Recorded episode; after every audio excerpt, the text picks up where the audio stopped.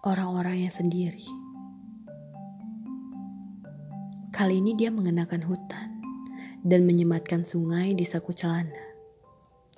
Kali lain, dia mengumpulkan hujan dan menyelimuti bahu dengan burung-burung di udara. Hari apa ini?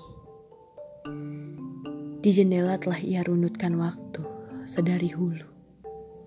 Ia berharap jam pasir akan mengembalikan biru dari jingga dan melontarkannya ke tak terhingga. Tapi belum. Belum saatnya tidur, fisiknya.